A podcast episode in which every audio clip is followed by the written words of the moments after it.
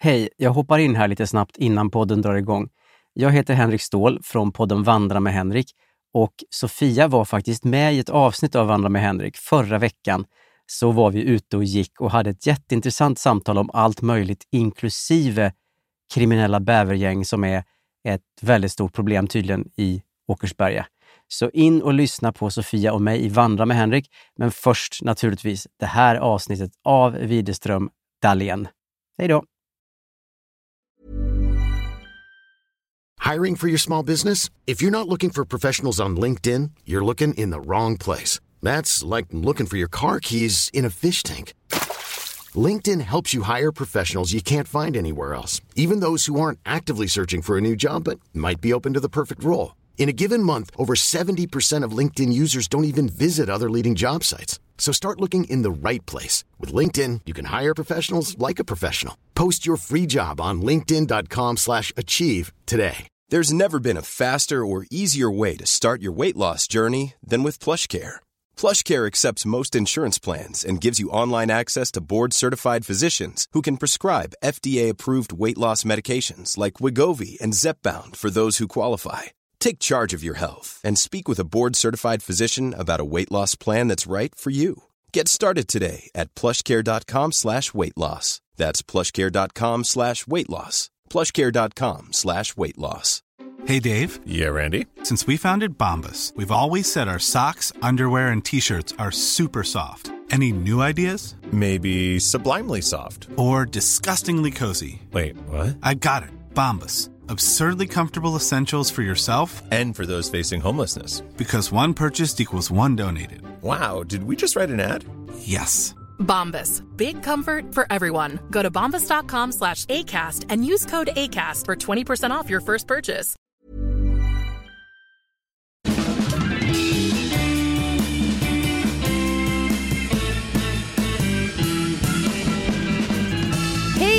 Allihopa! Välkomna till Widerström Dahlén! Hallå, hallå. Avsnitt, eh, ja, 76. 76! Ja. Smurf, smurf. Sjua, sexa. Ja! Och eh, vi är back on track i alla fall en vecka nu för att jag har varit på Musikhjälpen en hel vecka. Ja. Och sen är det jul och grejer men den här veckan är ju ganska normal känner jag i alla fall. ja, men det är den ju samtidigt som man ändå, alltså, man känner ju typ så, ah, det är så mycket grejer som ska hinnas med den här veckan, för sen känns det som att, sen är det, går det inte. Jag slutar ju, liksom, det, samma dag den här podden släpps slutar jag ju jobba på P3. Ja, just det. Bara det är ju en sån Ja, konstig grej. ja det är ju konstigt när det, när det händer. Jag har ju gjort det en gång. Ja. Och det var ju vemodigt sista veckan. Känner du också så? Ja men det är samtidigt så här skitstressigt för vi ska så här, säger man, sjösätta en hel YouTube-serie. Ja. Så att jag har så mycket att göra så jag hinner inte så känna in att det är sista gången jag går i den blå korridoren och vissa så här legendariska platser i Radiohuset typ. Ja, visst. Och sen blir det ju också lite speciellt sådär när man slutar precis innan jul. För då, Ja. då kan det ju nästan vara som att man inte riktigt får in det i huvudet. Man tror så bara, ja, ja men jag kommer tillbaka efter julen. Men det Eh, gör nej. inte. Nej. och Nej, sen men, hade vi då avtackning men då var, är vi, det var vi sex stycken på vår liksom avdelning som skulle sluta så att man var liksom en sjättedels ja. avtackning. Så man var ju inte helt speciell så att nej, säga. nej, nej, nej, nej, nej, nej, nej, jag förstår. Nej, men inte Men, ska väl eh, du. Nej, Nej, nej, nej. men jag fick liksom eh, ett tal av chefen och Ja. det var väldigt fint innehåll sådär så där kände jag ändå att det blir så här speciell situation, man ska sitta och titta då på sin chef. Jag sitter ju och tittar på henne hela talet för jag känner att det är så mycket fina grejer som sägs att Mm. jag vill inte börja kolla runt och jag vill, jag vet inte. Varför skulle du börja kolla runt? För att man kan inte kolla på en person oavbrutet i flera minuter. Om den håller tal gör man ju det. Ja, men jag tänk, ibland kanske man kollar ner lite generat och Jaha, ja, ja. lite möter så. någons blick och ler och så. Men det var ju verkligen inte så. Nej, Så jag satt helt still och bara stirrade på henne och log för att jag bara, det här är en ny situation. ja. Men så var jag tvungen att skoja, skoja till det lite efter, efter talet. För att Ja. du kände att det blev för mycket känslor. Ja, så då kramade jag mina två chefer och sen så då applåderade alla och då drog jag upp min blombukett så här som en segergest typ. Som när man har vunnit ett lopp eller så, bara för att Ja. jag, jag måste få tillbaka kontrollen. Så då gör jag det med en segergest. Där jag hytter med buketten upp och ner Ja. och säger typ ja! Äntligen! Äntligen är Ja, jag ute det ur var det här lite den. huset. Ja, exakt. Nej men det är ju speciellt och du kanske inte heller kommer vara, alltså just eftersom det är julledighet nu liksom, du vet du kanske inte riktigt kommer, ja så här, helt få in det här att du verkligen slutat förrän typ efter första veckan efter julledigheten. Exakt. Så att eh, jag ska ju inte så långt, jag ska ju över till SVT. Det är ju, det är ju blott en korridor Ja. emellan de här husen. Men, ändå. Men en väldigt lång korridor är det ju. Ja den är Alltså det är otroligt ju ändå väldigt avskilt. Det är ju inte som att när man jobbar på Sveriges Radio, det är inte så att man känner så här, "Ah, jag jobbar lite på SVT också, utan det är ju ändå två olika ställen. Det tar ju typ 12 minuter att gå i den här Ja. korridoren så att. Ja, Ja, en men eh, kilometer lång. kilometer efter kilometer. Men det är ändå, eh, nej jag är taggad. Jag känner att jag är redo att lämna. Ja. Ja, men du har ju roliga grejer framför dig också. Ja det har jag ju. Ja läskigt. Men eh, hur går det för dig då på nya jobbet? Jo men jag går ju bredvid här nu. Det är ju fortfarande lite, alltså jag har ju då börjat jobba på morgonen istället. Och det är ju fortfarande det här att jag ska komma in i att jag måste gå och lägga mig så tidigt. På Energy! Ja. Och det går ju inte. För det är ju så här Sofia. Nej. Ska jag sova åtta timmar. Då måste jag ligga i min, eller alltså jag måste somna för först och främst klockan nio. Men då måste, ju- ja och då måste jag kanske ligga i min säng kanske vid 20 över åtta för jag kanske behöver så här 40 minuters läsning av, för att varva ner. Eller så vill du så här, ha lite sängmys, då måste du gå och lägga dig Alltså 19.30 kanske? Alltså du menar om jag kollar på någon 19-15? serie i sängen? Ja, Ja. ja. Och det är ju praktiskt, praktiskt taget eftermiddag nästan. Ja, ja visst. Nej, Ja, alltså det är svårt. Det är svårt. Jag sitter och kollar på serier då vid min tv istället och så sitter jag där och så ser jag att klockan är så här, ah, nu är den halv nio. Ja, ska jag dra igång ett till avsnitt nu? Men liksom, och så gör jag det ändå. Och varje morgon vaknar jag då av att jag har sovit för lite. Men kommer sömntåget? Har det börjat komma nu då vid Nej. nio? Nej. Alltså, Nej. eller jo, det kanske kommer typ, nej, mitt sömntåg, det kommer typ vid sex. Jaha. Eh, Ja just det, för då har du varit uppe sen, fe- sen fem. Ja. Och då, då, då känner jag att då står jag emot det lite så här, för jag bara, ja man kan ju inte gå och lägga sig nu. Men sen är det som att, eh, sen går ju tåget va. Alltså då har jag ju Ja. missat att hoppa på. Och det kommer ingen mer avgång. Nej, alltså det gör väl det lite, men inte sån, inte sån markant. Du är ensam där på stationen. Ja, Du och en stins. ja. Nej, det, vi är Ja. inte många där. Nej. Nej. Men kan du testa någon gång att hoppa på sömntåget när det kommer vid sex? Ja. Och så bara så lägger du dig för kvällen för det är så mörkt ute nu ändå. Och så ser du så här hur jäkla utvilad du kommer vara. Då just det, du gör det en gång. Ja, det hade Så ju varit du 18 fantastiskt. till 05. Ja, alltså. OMG, alltså det är ju 11 timmar. Herre min gud. Det är nästan lite så att du får lite så här, inte ska väl jag sova ja, elva ja men exakt. Att man känner såhär, nej men det är inte jag värd. Jag är inte värd 11 timmar. Jag tycker du ska testa att göra det en gång bara för att vara lite busig och plocka in de här timmarna som du förlorade då. Ja vi snackade om det i förra podden att det var lite, det var lite tårar där Ja, på din födelsedag för där du kraschade lite kan man säga. ja, ja precis. Nej, nej, men vi har ju inte på den, alltså nu har det ju liksom, det har ju blivit bättre. Det har ju verkligen blivit bättre. Mm. Allting kommer ju bli bra. Alltså det är ju mitt mantra va. Allt, allt Ja. till syvende och sist Sofia. Så, så blir det, det blir oftast bra till slut. Ja, jo men det löser ju sig alltid. Ja. Eh, Jag brukar ju säga det, här, don't worry, be happy. Ja, men den gillar man. Man gillar framför allt den låten. Den är ju härlig. Den med fisken.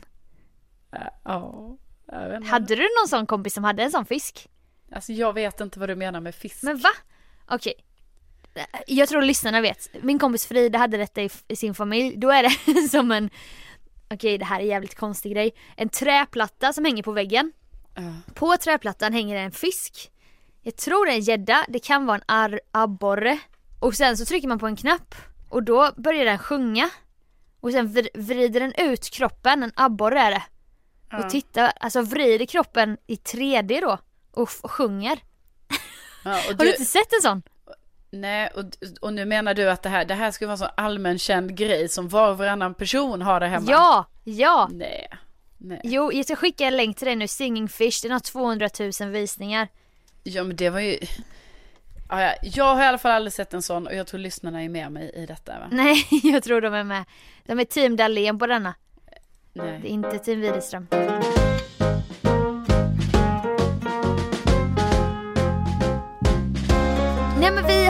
Vi sågs ju faktiskt nere i Lund där på Musikhjälpen. Det gjorde vi. Du har ju varit Fick där en en- hel vecka i min kära hemstad. Alltså det var ju så överväldigande att alla var där liksom, men inte jag.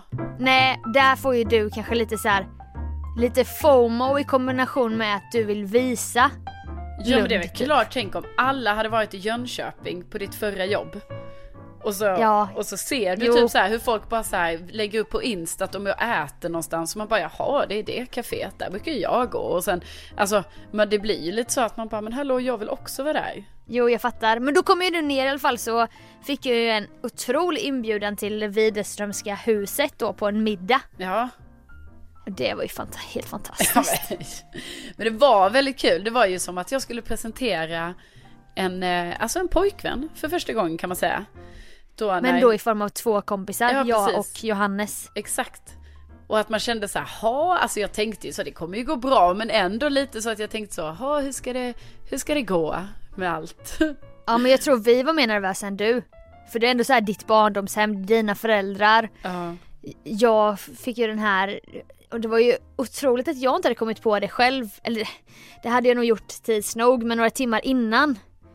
Då grabbade Johannes tag i mig där bakom, alltså i mattältet, det finns ett mattält på backstageområdet på Musikhjälpen. Ja. Alltså buren där alla jobbar.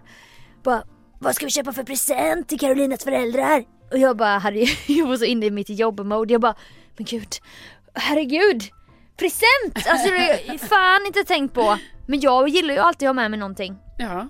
Eh, jag, jag, jag, jag, fixar det. Han borde fixa något bra va? De gillar ju växter, de gillar ju det här. Jag bara, åh gud. Då blev det sån press på mig liksom. Jag, och jag vet ju att de är lite såhär vinkonnässörer. Jag bara, jag kan inte köpa en flaska vin. Ja men det hade du ju kunnat göra. Ja men jag hade inte velat ge mig på det där. Nej, Så då kom jag på den briljanta idén saffransskorpor. ja det var så För smart. det är typ det är någon grej vi alltid ger bort i min familj. Så då började jag gå på saluhallen och då kollade jag så här.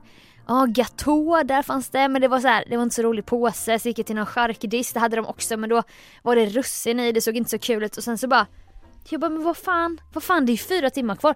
Jag kan ju baka egna saffransskorpor. Ja det tycker jag var alltså, otroligt ambitiöst Sofia. Du vet jag hade aldrig tänkt så långt i min tanke att jag skulle göra Nej, det själv. Nej, där kommer ju överdrivan in. Som finns i mig. Ja, ja som ofta visar sig när det gäller prestationer och presenter och så. Men, så då ringde jag min syrra, jag bara hur lång tid tar det att göra saffransskorpor? Eh, vad behöver jag? Vad ska jag lägga dem i? Så började vi bolla typ så fixade jag ändå så här, köpte en plåtburk i en tebutik. Och då fick jag beslutsångest, då var jag tvungen att skicka bilder till folk bara Mumin eller Sel- Elsa Beskow? Vilken ska jag ta? Så här. Jag vill ändå ha något märke liksom, märkesplåt. Men det var läskigt för det var första gången jag bakade det så det hade kunnat gå åt skogen. Alltså det, det var en så fin present och eh, vi, eh, jag fikade på dem sen dagen efter. Jättegoda, otroligt ambitiöst ska jag säga dig. Det värmer, Ja, det värmer ja, men att jag- ni kalasade på dem. Ja, ja, jag hälsar liksom tack. Alltså jag tackar för min egen del men jag tackar också å mina föräldrars vägnar. Ja, det var i alla fall otroligt tre- trevligt. Vi fick tre rätters. Vi fick glubbel som fördrink. Ja. Dock i en röd tappning, vilket jag inte hade testat. Nej, men det var ganska gott ändå. Alltså Ja. glögg plus bubbel, det kom ju Ja. så här som en bomb förra året när Ja. alla skulle köpa årets glögg som var typ indiska kryddor. Men jag tänker typ, för det hade ju kunnat vara så att det inte, även om det var så här en sån grej som man vet så här, ah, testa detta. Men det hade ju ändå kunnat vara så att det inte var jättegott. Men jag tror typ jag ska, alltså det kan man ju ha som en liten, ja, Ja. variera sin glögg med. Alltså det är ett hett jultips här nu från oss. Till Ja er men då var lyssnare. det, då hade de köpt rödvinsglögg. Så tar man kanske, jag vet inte, en, två matskedar per glas va? Sofia, jag var den som tillredde detta. Jag säger dig, det är 5 centiliter glögg, Mm. 10 centiliter bubbel. Då är det alltså en halv deciliter glögg Ja. och en deciliter bubbel. Jajamän.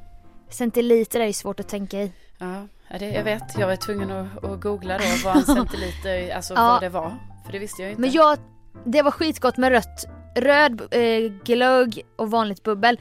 För jag testade även årets glöggsmak, nu blir det så här matpodden här, men då är det Ja. limoncello som är årets glögg, Just det. blossaglögg. Ja.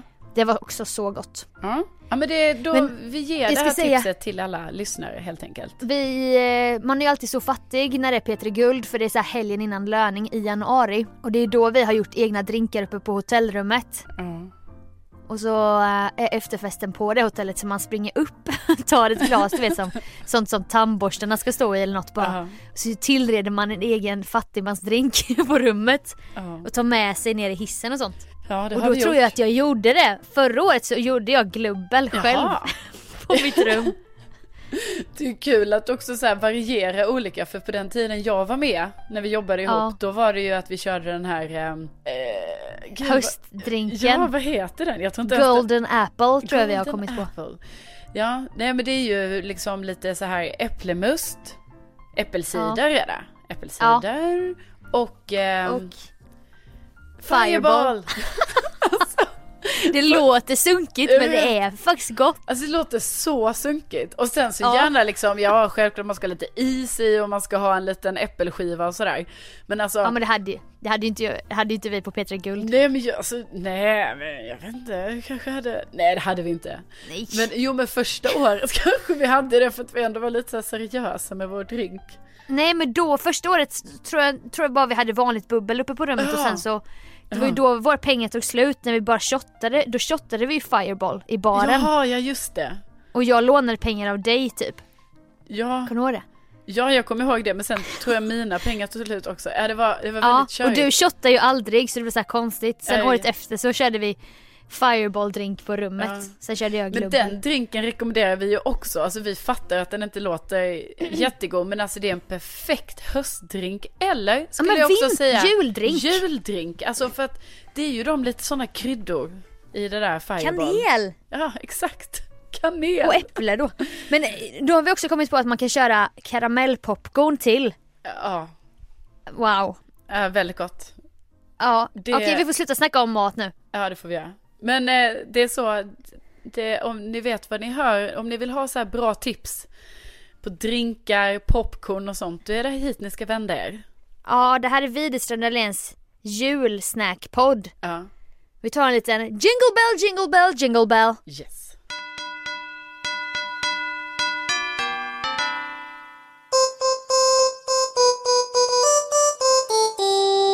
Under Musikhjälpen så samlade vi på min redaktion Petri Star in pengar genom att eh, besöka olika företag och göra tjänster i utbyte då mot en liten slant. Ja, Så då var vi dels här på ett eh, hunddagis som också var daglig verksamhet så människor med olika funktionsvariationer passar och hundar så det är sånt perfekt utbyte.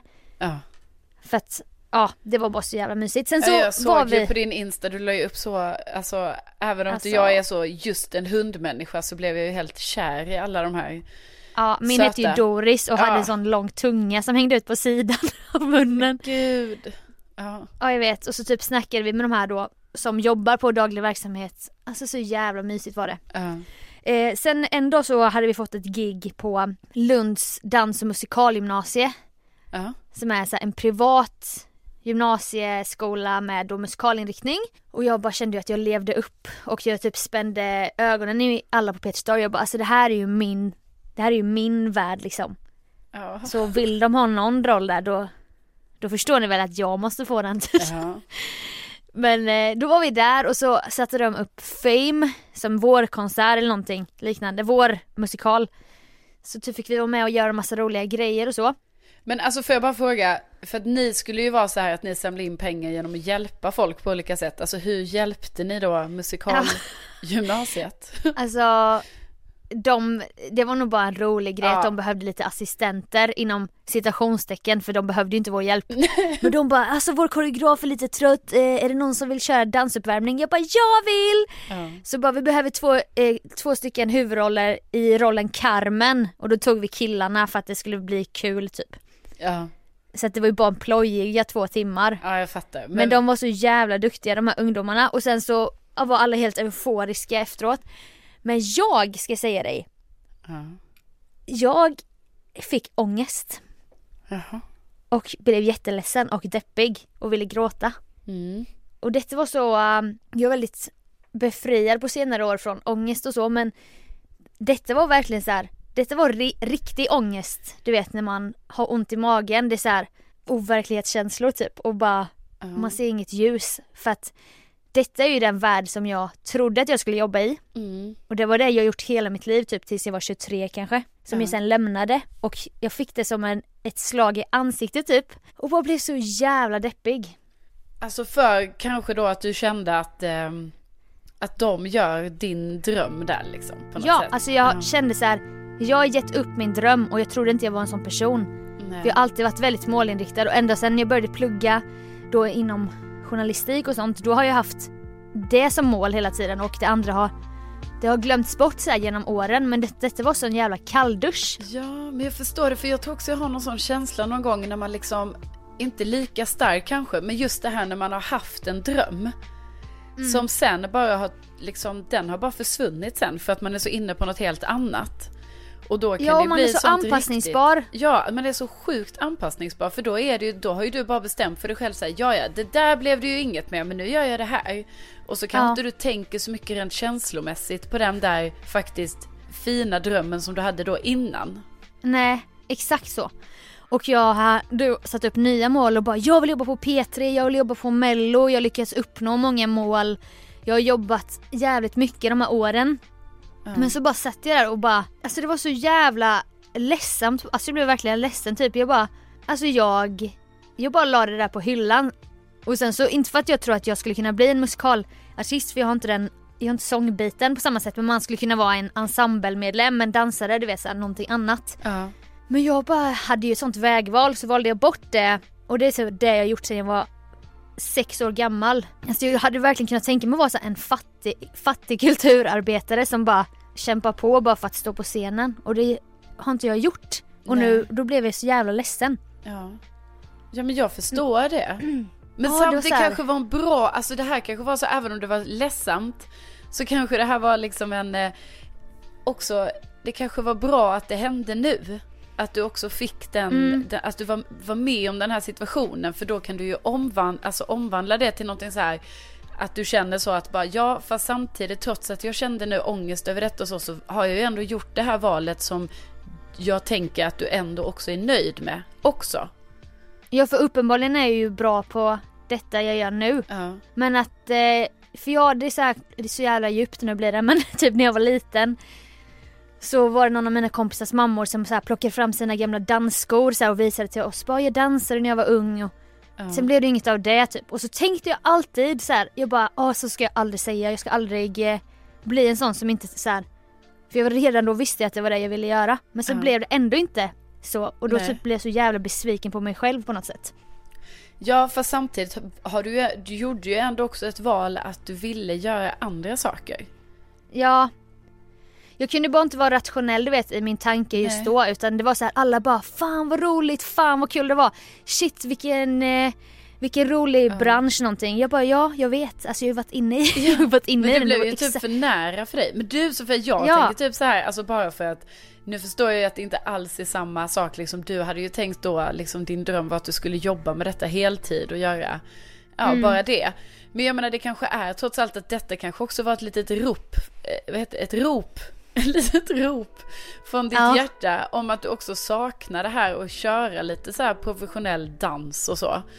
Eh, Ja. Och det kanske är någonting du ska försöka göra också. Ja jag började ju tänka direkt, då går man ju in i sin så här drivna person och bara ja, eh, jag kan börja ta klasser, kanske ta en jazzklass på Balettakademin, Ja, kanske finns det någon revy som jag kan vara med i, du vet så här. Ja, För att precis. uppenbarligen har jag ju något behov av, eller jag har ett stort behov av det egentligen men sån i mitt nuvarande jobb får jag ju på ett sätt stå på scenen för att det är mycket så här framför kameran, spexa, vara rolig. Men det är liksom lite, det är inte åt det hållet som jag var på Nej, väg och du kanske mitt saknar liv. det i ditt liv. Och det kanske inte behöver vara så att, nu sa jag innan så att ja, du kanske ska göra det professionellt. Men du kanske inte ska göra det professionellt till en början. Du kanske ska göra så här Nej, som en hobby som du har. Att du, en, Ja. du kanske ska gå så en gång i veckan på dans. men jag tror typ det. Alltså jag behöver nog inte, jag tror inte att jag har eh, cravings att göra det professionellt men det är någonting, jag bara kände att det saknades någonting men jag insåg inte det förrän vi var på den där musikalutbildningen Nej. och jag bara fick en kniv i hjärtat typ för att jag blev så jävla deppig och såg de här, så här 19-åringarna som gjorde alla hopp, gjorde alla piruetter, allting som jag också gjorde när jag var i den åldern som jag sen bara gav upp typ. Nej, men jag, Ja, det då, blev- jag tänker typ så här, du, du, eh, du kan ju börja på dans en gång i veckan, alltså som en hobby. Och sen så Ja. får du se om du då tycker så här, ah men gud jag brinner verkligen för det här, det gör, alltså på riktigt. Då kanske du kan Mm. utveckla det mer, men bara från början att bara ha det som en lite så här kul sidogrej. Ja, och det hade jag ju när jag började plugga och då var jag ju med i revyer och sånt. Och det Ja. räckte ju, då fick jag ju ändå den dosen. Så jag måste nog ta tillbaka det på något sätt. Men ja, det är kanske fler som känner igen sig. Det blev, förlåt att det blev så jävla deppigt nu men detta var, det var så jävla sann känsla verkligen. Jo men det är säkert Där. många som känner igen sig i det. Liksom, man har ju tänkt olika saker hur det ska bli och sen så gör man något helt annat istället sen. Men samtidigt Mm. behöver inte det betyda att det andra inte är bra. För, för, för förmodligen har man ju valt det andra för att det där första ändå inte riktigt funkade. Alltså, Nej och jag vet ju också att jag kände så här när jag var i USA och dansade och sånt, då fick jag ju säga jag bara fan vad jobbigt det här med den här konkurrensen typ. Alltså jag, det tog bort det roliga och jag visste ju det, det var ju därför typ. Dels jag bara, men jag kan behålla det som en hobby. Jag ska plugga nu istället något annat. Så det var ju ett aktivt val men det var ändå så jävla sorgligt typ. ja. ja, jag förstår det. Men sen släppte det, det höll i sig några timmar men sen mådde jag bättre. Ja. Det kan ju varit andra grejer också. Men även om eh, det släppte så tänker jag ändå att du ska, eh, att du lätt ska ju kolla så här. Du vet det kanske finns någon så här, du kan gå på någon, eh, vad heter det, medborgarskolan eller något. Men då menar jag att du Ja, så får här. gå på en mer liksom, du kan ju inte gå på nybörjarklassen. Du får ju gå på en Det annan. finns säkert något mittemellan klass typ. Vi får kolla upp det. Ja, Jag det är menar bra jag att ska ju själv kolla det. upp drejning. Så då kan jag ju också kolla lite om det det, finns. den drömmen du gav upp där. Ja precis. När du valde radio före, före drejningen Ja. som hade varit en så, så stor del av ditt liv Nej sedan men 87. jobba med händerna gillar jag. Har jag alltid Jo men du är ju konstnärlig och det har ju inte jag riktigt fattat förrän ibland när vi har snackat och du bara Ja jag skulle ju satsat på och gått estetbild om jag fick välja typ. Ja, men, ja, ja, du menar, ja, ja, alltså hade jag fått välja om gymnasiet hade jag ju gått estetbild. Alltså 100 procent. Men jag har ju inte målat med dig eller något sånt där med dig någon gång. Men jag är ju inte, det är inte så att jag är så, åh vad jag är duktig på det. Jo. Det är mer bara att jag tycker det är lite trevligt. Ja, Jag tycker det är lite mysigt. Fast jag har inte gjort det på jättelänge nu så egentligen borde jag ta fram mina målargrejer i garderoben och liksom, ja, måla du lite. ska, kan ju alltid ha ett staffli hemma. Ja, jag har ett i källaren. Just det ja. Där rödöra ligger och väntar på dig. Ja. Ja, Jag var ju nere där häromdagen. Var du? Ja, för jag hämtade upp alla mina skidor.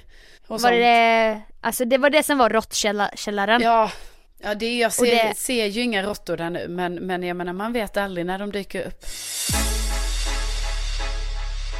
Men kanske det här är så här lite smak på det nya året. Kanske är det det här man ska Precis, vi ta tillbaka förlorade intressen. Vemodiga här nu på årets Ja. sista dagar. Och bara, åh, Ja, vi skulle det blir ha jag hunnit med det alltid. här och det här. Det är säkert där, alltså det är därför jag inte gillar nyår. För det är min deppigaste högtid. För jag får ju så här, jag får ju separationsångest typ. Ja. För året och för, det är så här deppigt. Så jag vet inte varför, jag tycker inte om nyår. Men jag kan lätt tänka mig, alltså jag hade ju ett nyårslöfte i och för sig att jag skulle skriva det här året. Det har jag ju fan inte gjort. Det får bli 2019.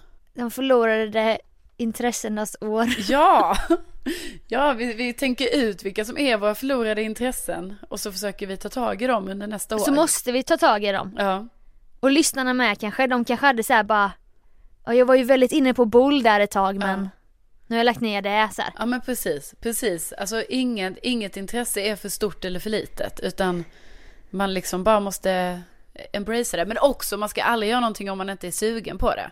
Så Nej, det får man inte måste vara sådana man- intressen som man känner är så här, ja det vore bra om jag gjorde detta. Det är inte Nej, de nej, nej. sakerna vi snackar om, utan nu snackar vi om de här som är så här, jag älskar ju att måla, varför gör jag inte det? Ja, Jag får själslig tillfredsställelse av det. Ja, precis. Men skriv till oss på Insta DM så här, era förlorade hobbys som Ja. ni har gett upp.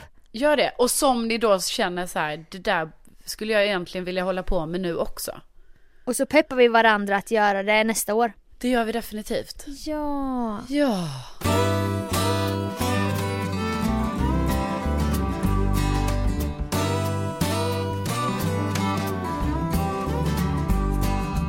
Oh Som ni alla vet så är det ju så att jag och Sofia är Bonde söker fru-fans är vi ju. Som tusan också. Ja, det är vi. Och då har det ju varit så här nu att eh, eh det har gått långt, långt på säsongen. Det är ju ett Mm. avsnitt som har kommit denna veckan som vi nu inte har sett ännu. Men det hände ju Nej, kanske det, ja. den sjukaste dumpningen i eh, Bonde söker frus historia hände ju i det näst sista avsnittet. Och det är då man har man bara fan att vi inte har kvar Bondepodden för det Exakt. hade vi kunnat vi, vrida och vända på men vi kan ju göra det i miniversion nu för att det är faktiskt lyssnare som också har hört av sig och bara snälla prata lite om Bonde söker fru. Ja, Och jag tänker också att det funkar även om man inte har sett avsnittet. Precis, för då ska vi ju bara vi gör en snabb recap så är det ju så här att det finns en bonde som heter Simon och han har ju då haft fyra tjejer på sin gård och så slutar det med att det bara var en tjej, Frida, kvar då. då. Och de blir så kära. Ah, de var så kära. Ja, de var så kära och det gräts och det var härligt. Ja det gräts och lyftes upp och snurrade runt och låg och myste i kohagen och allting. Ja, det var så mycket. Kanske stageat av produktionen när de skulle ligga där bland alla kor. Ja, men det var det ändå. nog. Men jag menar gråten var ju äkta och då var det ju gråt av ren kärlek. Var det ju. Ja. Och sen får ju alltid alla bönder en resa. Och då är det alltid typ ett B, några som får ett jätte-B. Resmål i år var det ju två stycken som skulle fågelskåda i Estland. Ja. Men du vet, då tänker jag Sofia, det här har vi snackat om att det här måste vi kolla upp för nu, du känner ju nu en som Ja. ändå är, jobbar i produktionen. Ja. Alltså jag tror ju ändå på det, även om vi tycker det låter B, så tror jag ju att de ändå får önska lite så här var de vill åka och då kanske det är så att den här killen nu, jag vet inte vad han, bonden, glömt vad han heter. Erik. Erik, att han bara sa nej men, ja men du vet han bara alltså jag vill så gärna åka till Estland plus vi ska inte snacka ner det resmålet för du och jag var ju faktiskt i Ja. Estland i våras. Det är sant. Och Men vi, vi var inte älskar där på- ju, vi älskade ju Estland. Vi var inte där på fågelskådning men Nej, Tallinn var ju men otroligt. han är ju fågelintresserad. Ja, jag Alltså vet. så jag bara menar att jag tror ändå, ah, vi får kolla det där, vi ska återkomma Ja, när vi, vi vet. kolla det. Ja. Men i alla Men fall. Simon då- fick i alla fall en resa till Ja, Rhodos. Kreta, kan, ja, Kreta. Rhodos kanske det var. Ja, då skulle de åka dit och då, slu, då är det alltså så här att Frida och han ska åka dit. Men Frida dyker inte upp på Arlanda. Nej, och man tror att det är så här. Man bara, hon kommer komma snart, det här är bara en cliffhanger för att det ska bli så här att man ska bara "Åh, efter pausen. Ja, och så Då är det kom- så här, numret har ingen abonnent. Ja, Ringer han på högtalartelefon, du vet, han, väskan är packad, han står där på flygplatshotellet. ja. Och han får mer, alltså du vet jag, hade, jag fick så ont i hjärtat av detta. ja, det var hemskt. Det var hemskt. Alltså det är ju så att, jag menar, det har varit moments i Bonde söker fru då man har fått ont i hjärtat men ändå så här att man bara, ja, ja. Ändå... Man kan ändå skratta lite ja, åt det. Men det här kunde man ju inte skratta åt ens. Nej, Alltså, alltså, det här jag, var ju så, det var ju så makabert. min kille som tydligen då är ond skrattade ju åt detta. Jag bara, hur kan du skratta? Det är så jävla hemskt. Ja. Men han Han- skrattar nog av, alltså du vet ibland när man tycker något är sorgligt så skrattar man istället för att gråta. Som ett skydd. Ja, så det var nog Ja. Hampus skydd var att han började skratta i det läget Ja. för att innerst inne så var han tagen var han. Jag tror också det. Det kunde man ju inte vara annat av Simons. Och det var ju problemet var ju att Simon inte fick tag i sin tjej liksom. Och att hon inte hade hört av sig på flera dagar och sen så har det ju, sen, ja sen dök ju inte hon upp så han fick ju åka själv till det här resmålet. Fan, det Men var som- så jävla sorgligt. Ja, Han det var så- badade själv. Ja, och drack så här vin själv. Och jag menar, där har ju också produktionen, jag menar, där är det ju stageat om något. Att de bara säger Simon, nu vill vi att du badar lite här. Ja, jag vet. Och sen har du en egen flaska vin, men du ska bara ha ett glas. Och så häller Och du så upp. går du på stranden här själv i solnedgången. Det var mycket så här scener ur en ensam mans liv, typ. Men det är också vi som är så nördiga med Bonde söker fru. Man, man vet ju exakt vad som är stageat också ju. Ja, För sen liksom tidigare i avsnittet in, alltså detta var ju så Jag vet. jävla för spelat vet. inspelat i efterhand. För då kommer Simons kompis, Ja. detta är när han inte har fått, han har börjat ana någonting för att Frida svarar inte. Hon Ja, skulle åka precis. hem från gården och hämta lite kläder och komma tillbaka. Men, men då, hon, hon kom aldrig tillbaka. nej hon svarade inte på någonting. Nej. Då helt plötsligt kommer det en kompis till gården och bara Tjena Simon, jag ville bara kolla hur det är med dig. Och man bara, fan ska han komma nu då? Då tänkte man ju, jag bara fan det här är inspelat i efterhand. Ja, det här är för att det. få någon slags story. Ja, nej men det, exakt för det där var ju, för det som sen hände var ju att den här kompisen dök ju upp Ja. som en överraskning sen på resan. Ja. Och, Och då kände de ju i klippningen att det saknas någonting. Den här kompisen då. Så vi, spel, vi åker till Simonsgård igen och spelar in och så klipper vi in det innan resan. Precis. För då var ju Simon så här också bara, nej men jag tror ju att hon kommer dyka upp och så. Ja. Man bara, det är klart som fan du trodde. Om det hade varit på riktigt hade han bara, åh jag och Frida ska dit, la la la. Så här liksom, han ville plantera att, att hon kanske inte skulle dyka upp. Ja men precis och också att produktionen ville plantera hans kompis till oss tittare. Så Mm. därför var det ju tvunget att den här kompisen skulle dyka upp lite innan så här som bara så, hur går allting Simon? Och sen helt plötsligt så är det ju också samma vän Ja. som är på resan. Ja, För då har ja, man ju börjat känna lite för att han är omtänksam, han är en bra polare ja, ja visst. Och Han dyker upp så. Men det var ju Ja. ändå för väl att hans kompis kunde komma på resan för det är Ja, ändå herregud. tråkigt. Ja, Ja, ja, och vara själv. de hade ju skitkul. Ja, Sen märkte det- man i en av synkarna, du vet den när bonden sitter och pratar med kameran, eller någon bakom kameran. Ja. Alltså han var ju full i en av dem. ja, jag vet. Jag vet. Jag tror inte hon förstår det, men hon, hon krossar mig. Hon krossar mig här. Jävligt här, alltså därför... Ja, jag var ju typ säker på att det var den kvinnan jag ville leva ihop med. Du tänkte också på det? Ja. Nej men det är ju tråkigt eh, att eh, Frida inte kunde komma. Man bara, han är ju kalasfull. Ja. Man har dränkt sina sorger. Men Ja, eh, oavsett så är ju detta, alltså det är så jäkla dåligt gjort. Alltså det är ju, det är ju verkligen den största dumpningen i, alltså det kan ju vara, alltså då pratar jag även utanför Bonde söker frus historia. Alltså det är ju så här, men det, det, det är ju extra förnedring då att vi har fått följa dem hela jäkla hösten. Och vi har ju Sen byggt upp på ghostar hon honom och numret har ingen abonnent. Precis, och jag menar sen hörde ju inte hon av sig för sen har jag ju nu varit så nördig alltså. Så jag har ju då kollat på, alltså Linda Lindorff, programledaren. Hon har ju en Ja. blogg, alltså inte för att jag läser hennes blogg, jag vill ändå verkligen poängtera det. För att det Säkert. hade typ nej men jag gör inte det. Men däremot hade hon ju lagt upp så här exklusivt material. Ja det är nytt för i blogg. år att Linda gör det på sin egen Ja, Insta. precis. Och då i alla fall, då hade hon ju länkat till sin blogg sen, så då kunde man få se ett samtal mellan Linda och eh, den här Frida då, som inte dök upp, där de pratade om vad det egentligen var som hände. Och bara som en väldigt snabb recap så är det ju som att Frida tappade alla känslor direkt när hon lämnade gården. Och sen kunde hon inte svara när Simon ringde. Hon gick under jorden helt enkelt. Hon måste ju, måste ju mått piss. Hon måste mått jättedåligt.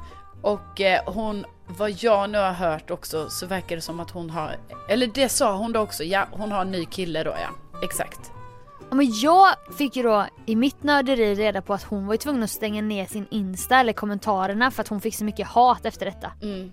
Jo men det har jag också hört och det kan jag tänka mig att, eh, alltså så det är ju lite synd om henne också ju, eller vad ska man säga? Ja, Alltså, alltså, ja. hon Helt plötsligt för att man är sist kvar, då har man ett ansvar att bli kär och då blir det nog jättemycket press. Men däremot kanske hon skulle sagt att hon inte ville mer. Ja, men det var ju hon som efter två dagar på gården sa att hon var förälskad Jag vet. och började bete sig svartsjukt och började gråta när hon blev vald sist. Så att det, det var ju jädra svängningar där. Ja det var det. Och jag menar det här är ju, det blir ju väldigt nörderi här om Bonde söker fru. Men jag menar nu känner man ju typ så här, ja efter allt sånt här drama då förstår jag att det kommer komma en till säsong. Alltså Ja, ja. det är bara det här programmet Ja, de bara sa ju det, de bara- på. Är du bonde och söker kärleken? Ja. Skicka in till oss. Så det Precis. kommer bli. Precis, det kommer bli en till säsong. Och då, Ja men där fick ni, där fick vi ut eh, våra känslor om det. Men nu avsnittet som släpptes i onsdags. Så eh, ja, då är väl det när Linda följer upp. Vi har ju inte sett det när jag vi vet spelar in det är typ en av mina favoritprogram. Alltså, eller avsnitt. När man får en se. månad efter, Ja. eh, två månader efter. Ja det är väldigt spännande. Hur Ja. har det gått? Min favoritbonde i år var ju Per. Min med. Min med. Alltså, Och jag håller ju verkligen tummarna för att det har hållit där så att säga. Ja, Ja. men efter deras Irlandsresa, de var ju sjukt taggade på kärlek så jag tror det har gått. Åt helvete. Nej det har gått. Det har gått. Alltså det har gått. Ja, ja, det har gått. Ja. Ja. ja, ja. Nej, men det blir spännande att se. Men eh, vi, eh, ja, vi ska kanske inte fördjupa Jag inte oss. ska gå Nej, ännu mer dit. nej.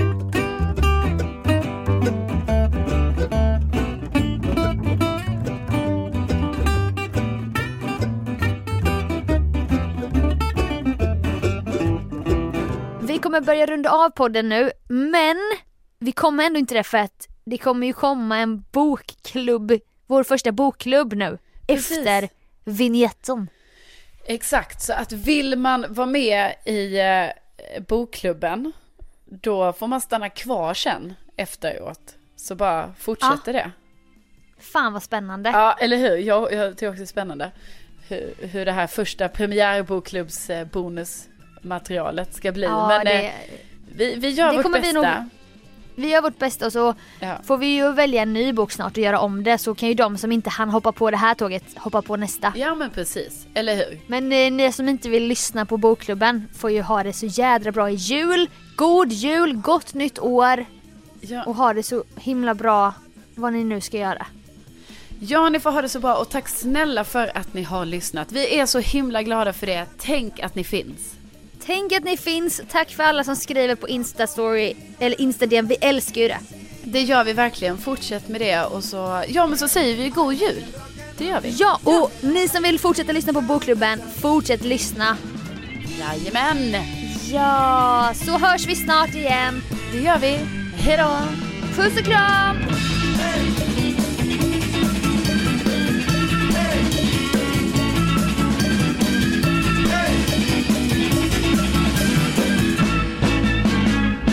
Kan inte vi säga bokklubb, bokklubb varannan gång så kan jag klippa ihop det som ett intro typ. Ja.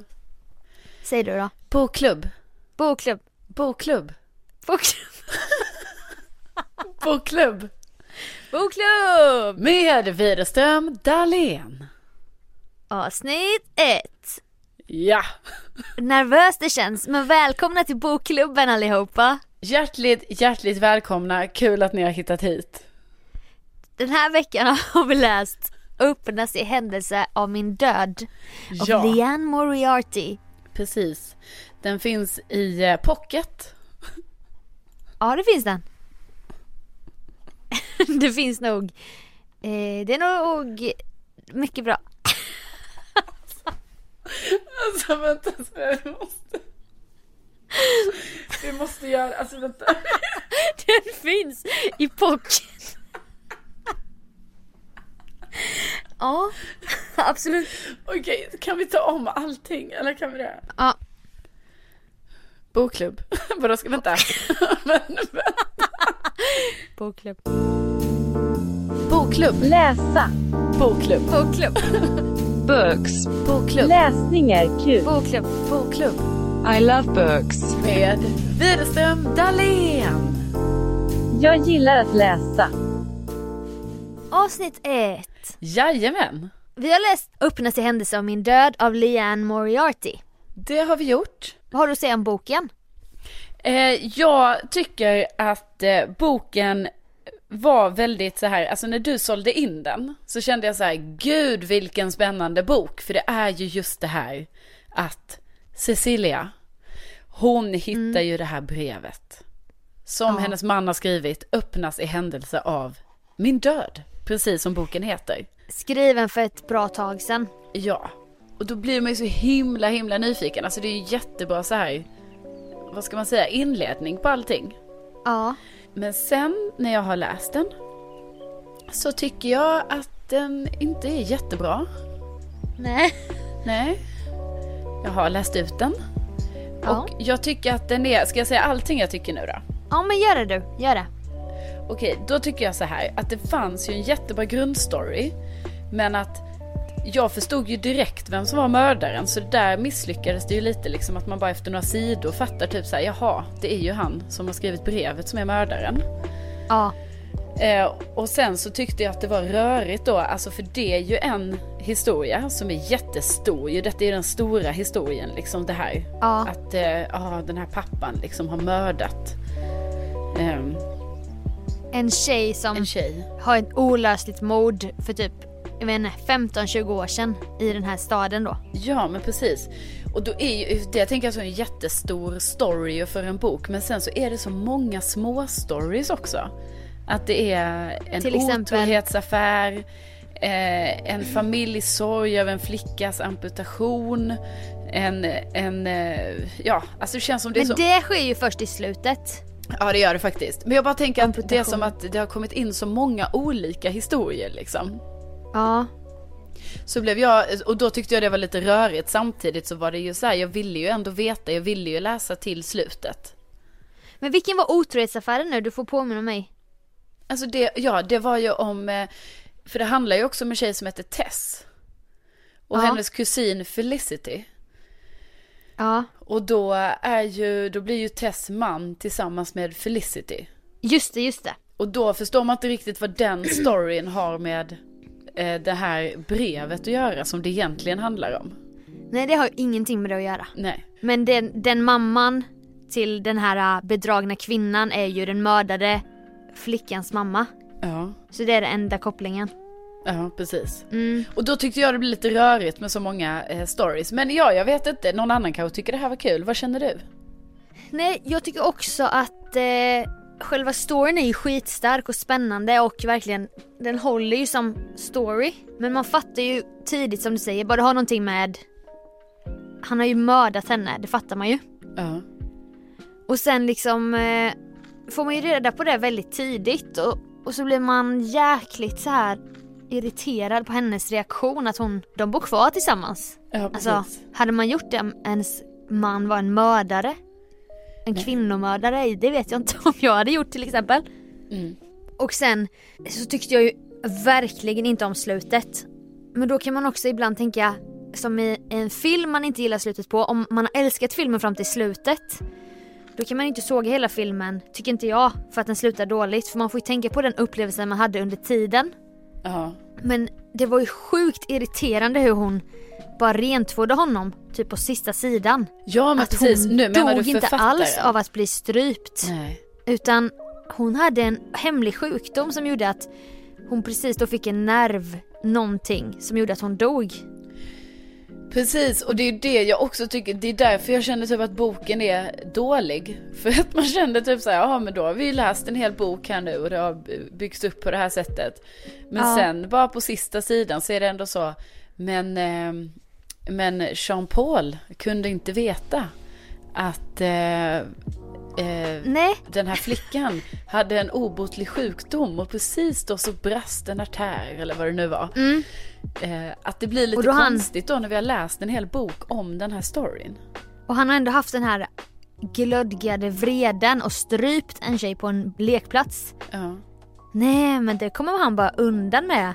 Men det kommer han aldrig få veta, men vi får veta det i, hemlighet då med författaren eller den här berättarrösten i slutet. Ja.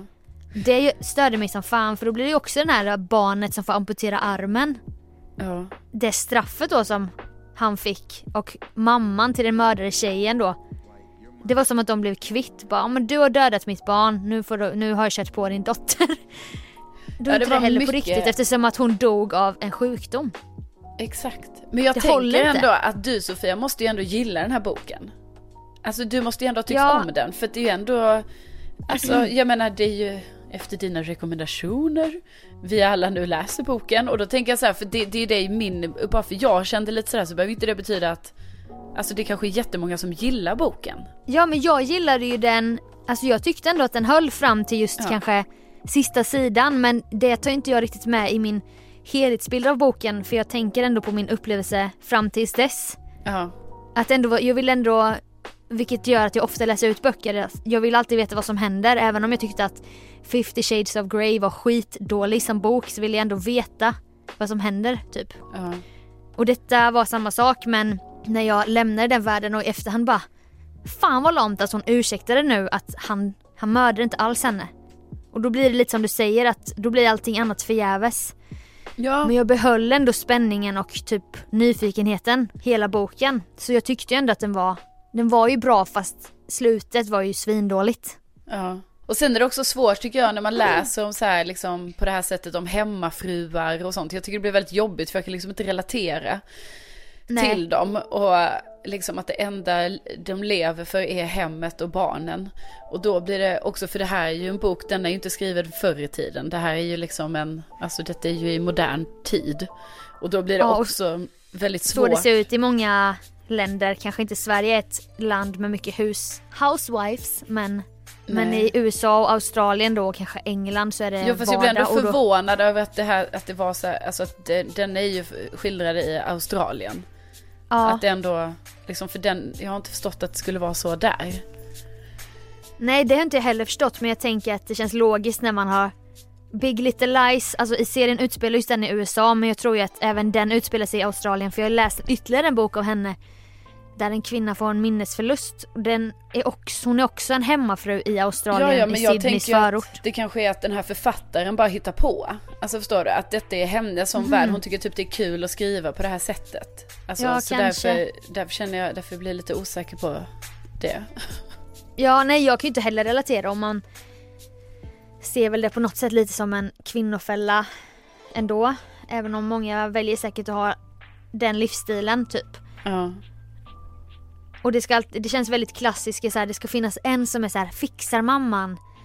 Och de, hela deras liv cirkulerar kring barnens aktiviteter och Mm. att bjuda hem de andra på drinkar och så. Alltså det är ju så här. Precis, och det kanske är så då liksom att, att det kanske är svårt att relatera då till när det är så här också hemmafru. För man vill ju typ så här känna att man kan tycka om karaktären. Att man bara, åh, jag är som hon. Eller jag är sådär. Och så blir det Ja. lite svårt. Hon ville hålla upp och dölja att han var en mördare för att behålla kärnfamiljen och så. Det störde man ju sig på. Mm. I sin feministiska roll kanske. Mm. Men en lyssnare har skrivit att hon eh, hatade boken mycket på grund av att man fattade hela tiden vem som hade gjort det. Och det förbannat patetiska slutet och det är ju det vi också tycker. Och den här personen är också trött på parallellhistorier. Och det var ju det du sa med den här otroheten. Parallellt med den här mammans sorg, han har mördat. Och så på, pågår det till sista sidan. Ja. Och det var, det var en kritik även från Fia som skrev att eh, det är lite jobbigt i början Samtidigt dock något jag uppskattar hur berättarrösten växlar från person till person som att man är inne i deras huvud. Ja. Det är också det som är lite krångligt att hålla reda på vem som är vem och hur de hänger ihop. Ja, just det. Ja, precis. Men det, det håller jag med om är kul också, att följa det på det sättet. På ett sätt är det jobbigt för då, kanske, då är det som i en serie att det blir så här en cliffhanger i ena kapitlet. Ja. Då vill man ju veta för då bara åh händer något. Sen nästa sida så är man tillbaka i den här otrohetsaffären och man bara fan men jag vill inte läsa om det nu. Nej, jag vill vidare. Så. Nu vill jag veta vad det stod i det där brevet typ. Ja. Eh, Men vad, liksom, vad, vad skulle vi, skulle vi rekom... Liksom, vi måste ju också göra så här nu att vi får ge betyg, tänker jag. Ja, Alltså att vi får ge så här, och vårt max är fem. Fem VD. Ja. fem VD är max. Men jag läste ju den under semestern där jag visste att jag har bara tre böcker. Jag har jättemycket tid. Och då kanske man hänger sig åt boken på ett annat sätt. Du läste den i vardagen där du ofta läser så här högkvalitativa böcker. Så du kanske var mer kritisk mot den. Ja, det kanske jag var. Alltså verkligen. Medan jag låg på en solstol och läste den och tyckte att det var lite spännande. Ja, och väldigt så här, det var perfekt så här avslappningsläsning för dig. Ja, men jag, jag som sagt var behöll ändå nyfikenheten och ville fortsätta läsa men alltså jag tror ändå jag skulle ge den Slutet förstör ju helhetsintrycket i efterhand. Ja. Men i det state of mindet jag var när jag läste den så skulle jag nog ändå säga en trea. Ja. Vad känner du? Ja, alltså jag tänker, jag, jag, jag tänker mellan två och tre. Ja. Jag Vad är säger- den största fördelen med boken tycker du? Mm, att att det, den har en väldigt spännande sån här eh, inledning. Som gör att man vill veta mer. Men eftersom man fattade väldigt tidigt eh, Ja. vem mördaren var. Då, ja, då Tar den drar det ju ner liksom. Mm. Jag kanske säger, Men man kan ge halvor också. ja precis, då tänker jag, jag säger två och en halv. Ja. Det är mitt Och jag bud. säger tre för jag var lite mer positiv Ja. mot den. Men sen så fick jag höra en rolig eh, fakta också. Och ni som lyssnar får ju gärna höra av er med era betyg också. Ja. 1 till 5 VD. Ja. Att det kanske ska bli en film med Blake Lively i huvudrollen. Ja. Som då hon Cecilia. Och det är ju hon blonda i Gossip Girl du vet. Du vet, det tänkte jag hela tiden när jag läste den. Så tänkte jag så här, det här hade varit mycket bättre som en så här, en film. Eller en tv-serie. Alltså, Ja. jag tänkte det hela tiden så här, det här är inte en bok. Det här är typ något man måste se liksom på ett annat sätt. Okej för att den håller inte helt för en bok tänker du då. Men den Nej. skulle hålla som en... Ja men intressant. Jag är beredd att hålla med. Sen så ser jag ju henne som äldre än Blake Lively men... jag vet Vem inte är hon var. Blake Lively? Hon blonda som spelar Serena i Gossip Girl. Som är också med i Systrar i jeans. Vet du vem det är? Nej. Nej, men du kan väl, du får bildgoogla. Ja, jag får göra det. Jag får göra Ja. det. Men, då, men det kanske är vårt slutgiltiga resultat då liksom. Att vi, vi säger det att vi, ja det var inte så starka betyg på den här boken. Men den kom, den, det kanske blir bra där om det blir en, en film istället. Ja, men då ser vi den tillsammans. Ja, Och så ser vi hur de har förbättrat den för det behöver lite förbättring. ja precis. Och då, då kanske man kan, ja då kan vi göra en liten recap efter det. Ja, tycker jag. Ja. Och så kan vi återkomma i podden längre fram om nästa bok vi kör. Exakt, det gör vi. Tack för att ni lyssnade på vår första bokklubb. Hoppas ni är nöjda med den. Ja men precis och det här var ju första gången vi gjorde det så jag menar det finns all anledning till förbättring. Verkligen. Ja. Men eh, kul att ni läste boken i alla fall. Bra jobbat allihopa. Verkligen bra jobbat. Puss och kram. Kram kram.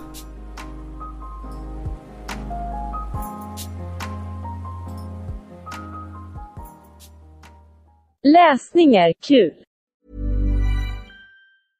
Hey, it's Paige DeSorbo from Giggly Squad. High quality fashion without the price tag. Say hello to Quince. I'm snagging high-end essentials like cozy cashmere sweaters, sleek leather jackets, fine jewelry, and so much more. With Quince being 50 to 80% less than similar brands.